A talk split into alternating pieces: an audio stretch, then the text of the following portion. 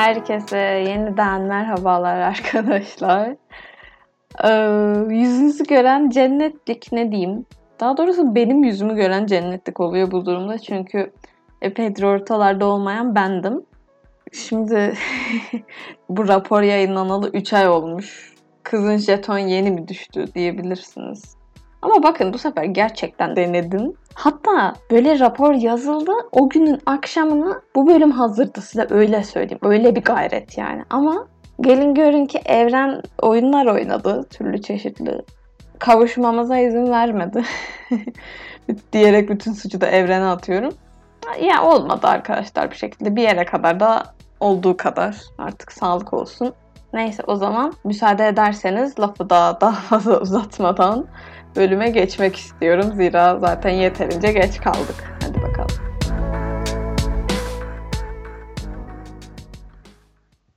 Evet, öncelikle bu bölüm hakkında belirtmek istediğim bir şey var. Biraz daha kısa olmasını planladım bu bölümün. Her ne kadar bölüm planlamalarıma çok da sadık kalamasam da genelde.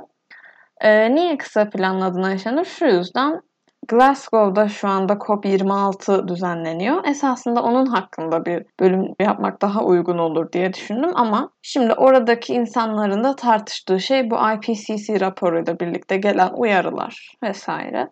O yüzden önce bir rapora bakalım istedim.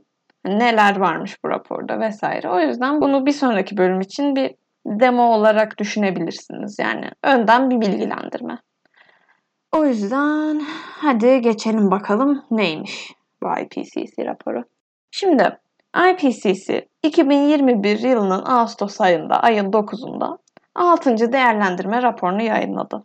Şimdi Paris Anlaşması isimli bölümümü dinlemeyen bazı sadık dinleyicilerim olabilir şu an. O yüzden ben isterseniz bir IPCC'ne önce onu açıklayayım. Bu kısaltmanın açılımı Intergovernmental Panel on Climate Change. Türkçe'ye çevirisi de Devletler Arası İklim Değişikliği Paneli. Bu panel 1988 yılında e, iklim değişikliği hakkındaki bilimsel bilgilerin, araştırmaların derlenmesi ve analizi için kurulan bir panel. O zamandan bu yana da dünya çapında böyle iklim değişikliği konusundaki en kapsamlı raporları bu panel yayınlıyor. Bu panel tarafından yayınlanan raporların amacı iklim değişikliğinin neden ve sonuçlarını devlet ve karar alıcılar için bilimsel araştırmalarla açıklamak ve onlara alabilecekleri önlemler, yapabilecekleri hazırlıklar konusunda bilgilendirme sağlamak. Şimdi IPCC'nin hazırladığı raporlar 5 ila 8 yıl gibi uzun sürelerde hazırlanıyor ve gerçekten konu hakkında dünya çapında ün yapmış işinin ehli bilim insanlarının işbirliğiyle raporlar ortaya çıkarılıyor. Daha sonra da e, anlaşılmasını kolaylaştırmak için dili sadeleştirilmiş ve kısaltılmış özetler şeklinde raporlar karar alıcıların ve hükümetlerin hizmetine sunuluyor. Karar alıcılar ne yapıyor derseniz onlar da raporlara bakıyorlar.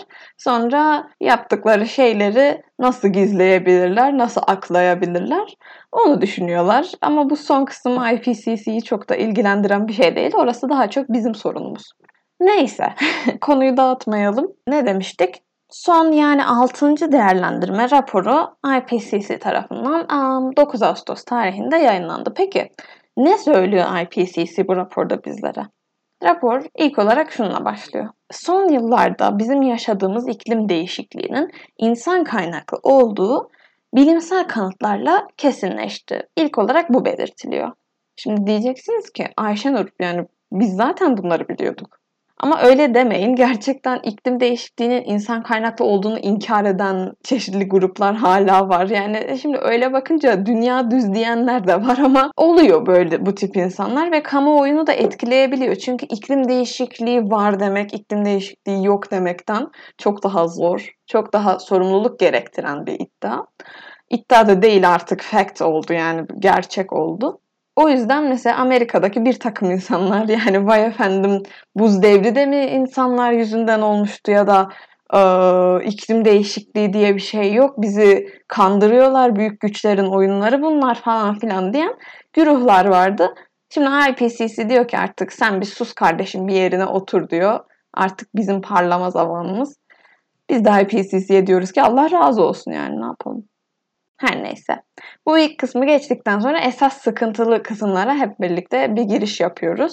Şöyle ki IPCC insanlığın şu ana kadar yaşadıklarından ders alıp almaması sonucunda gerçekleşme potansiyeli olan 5 tane farklı senaryo hazırlamış. Böyle deyince birazcık anlaması zor oldu. Şöyle diyeyim ben size. Mesela diyelim ki bize bir pişmanlık geldi ve karbon salınımlarımızı sıfıra indirdik. Hatta yani öyle olduk ki artık havadan karbon topluyoruz. Bütün hayatımızı değiştirdik bir gece içinde. O zaman en iyimser senaryo gerçekleşir diyor IPCC. Politikacıların hedeflediği şekilde 2040'tan önce de ısınmayı 1,5 derecenin altında tutmayı başarırız diyor. Bu birazcık tabii hayalperest bir senaryo ama senaryolardan biri bu. Başka bir örnek vereyim mesela. Diyelim ki biz hiç dersimizi almadık. Aynı bu gidişatımızı devam ettirdik. Yani aşırı derecede bir karbon salımı yapıyoruz. Karbon salımı yıllar geçtikçe artarak, katlanarak devam ediyor ve hiçbir aksiyon da almıyoruz bunu durdurmaya yönelik. O zaman da IPCC diyor ki en kötümser senaryo gerçekleşecek. İşte bu şekilde en iyimser, iyimser, orta, kötümser ve çok kötümser şeklinde 5 tane IPCC'nin senaryosunu içeriyor bu rapor. Ben bu senaryoların hepsine tek tek bakmayacağım. Şu anda sadece kendimce en olası gördüğüm senaryoya bakacağım. Onun da ismi SSP3 7.0. Biz bölüm boyunca bu senaryoya 7.0 diyeceğiz. Niye bunu en olası senaryo olarak görüyorum? Çünkü şu anki gidişatımız hani aşırı derecede az aksiyon alınması ya da karbon salımlarını azaltmaya yönelik adımların çok çok yetersiz kalması gibi faktörlerden dolayı bu bana en olası senaryo gibi göründü. Ama hiçbirinin gerçekleşmesi imkansız gibi bir durum söz konusu değil misal orta halli olan adı 4.5 olan senaryo da gayet olası bir senaryo.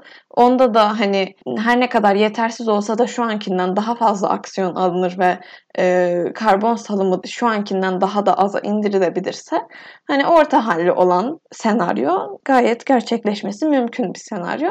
Bana mümkün gelmeyen tek senaryo en iyimser ve iyimser olanı. Çünkü arkadaşlar artık geldiğimiz noktada yani bu iki senaryonun grafiklerini de inceleyebilirsiniz. Raporun linkini ben açıklamaya bırakacağım. Grafiklere baktığımız zaman e, bizim yarından başlayarak karbon sıfır bir dünyada yaşamaya başlamamız gerekiyor birdenbire ve sürekli olarak bu karbondioksit salınımını e, azaltmamız hatta belli bir noktadan sonra artık atmosferden karbonu emmemiz gerekiyor geri bunun olası olmadığını söylemek için çok da ayrıntılı bir irdelemeye ihtiyaç duymuyorum ben açıkçası. Hani en iyi ihtimalle orta halli olan senaryo gerçekleşirse çok mutlu olurum ki o da bize bir ütopya vaat etmese bile. Şu an elimizdekilerin en olası olanları bunlar. Geçelim bu senaryonun içeriğine. 7.0'da bize nelerden bahsediyor IPCC? Diyor ki öncelikle son 4 yıldır en yüksek sıcaklık rekorları kırılıyor. Şimdi bunun mealini yani 2021'in yazı geriye kalan önümüzdeki yazların en serini olacak. Çünkü 2022 ondan daha sıcak olacak. 2023 ondan daha da sıcak olacak ve böyle artarak devam edecek. Yani hangi yazı yaşıyorsanız hayatınızın geri kalan yazlarının en serini o. Bundan başka ne diyor peki?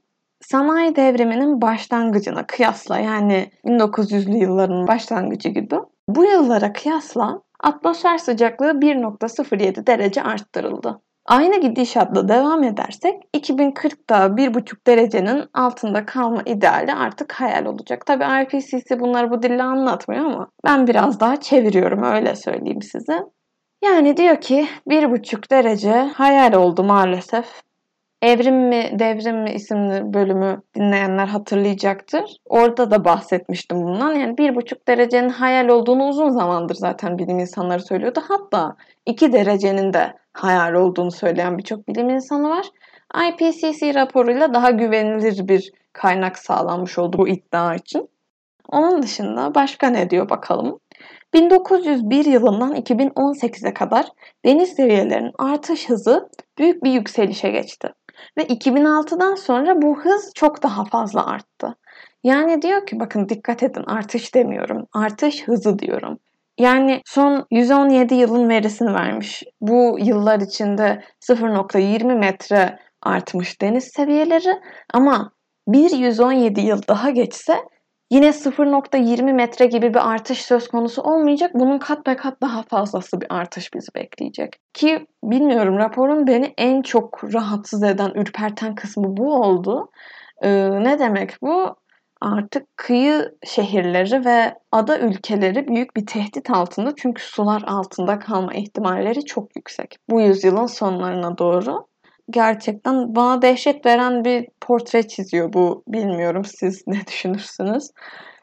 Aa, onun dışında son olarak da aşırı sıcaklıkların, kuraklığın, sel ve orman yangını gibi çeşitli doğal afetlerin sıklıklarının artacağı bel- belirtiliyor. Bunu biz zaten son yıllarda yakından deneyim diyoruz. Biliyorsunuz zaten bu yaz e, orman yangınları yaşandı.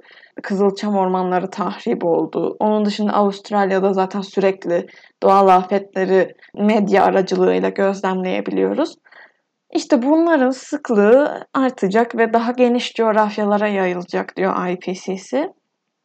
Ve bu senaryoda yaşanacak şeylerin listesi bu şekilde uzayıp gidiyor. Gördüğünüz gibi çok da iç açıcı bir tablo çizmiyor IPCC'nin raporu bizim için. IPCC bu şekilde mantıklı bir felaket tellallığı yaparak yerine geçiyor, oturuyor. Ama biliyorsunuz ki bu raporun amacı bizim morallerimizi bozmak, bizim e, umudumuzu bitirmek değil arkadaşlar. Yani esas burada şöyle bir soru geliyor aklımıza. Hani yayınlandı bu rapor. Politikacılar okudu, karar alıcılar okudu, hükümetler okudu. Ve o hükümetler IPCC'nin bu raporunda belirttiği bu uyarılara, bu kan donduran uyarılara acaba uyuyor mu? Bu sorunun cevabı tahmin edebileceğiniz gibi çok da iç açıcı değil. Ama ben onu şu anda konuşmaya başlarsam bu bölüm biraz uzayacak. O yüzden gelin bu sorunun cevabını bu bölümde vermeyelim. Bir sonraki bölümde Glasgow'a gidelim. COP26'ya bir göz atalım. Bakalım ki gerçekten de karar alıcılar IPCC'nin bu raporuna kulak vermiş mi? Acaba bir şeyler yapmaya başlamışlar mı? Beni dinlediğiniz için çok teşekkür ederim. Daha iç açıcı bölümlerde görüşmek üzere. Hoşçakalın.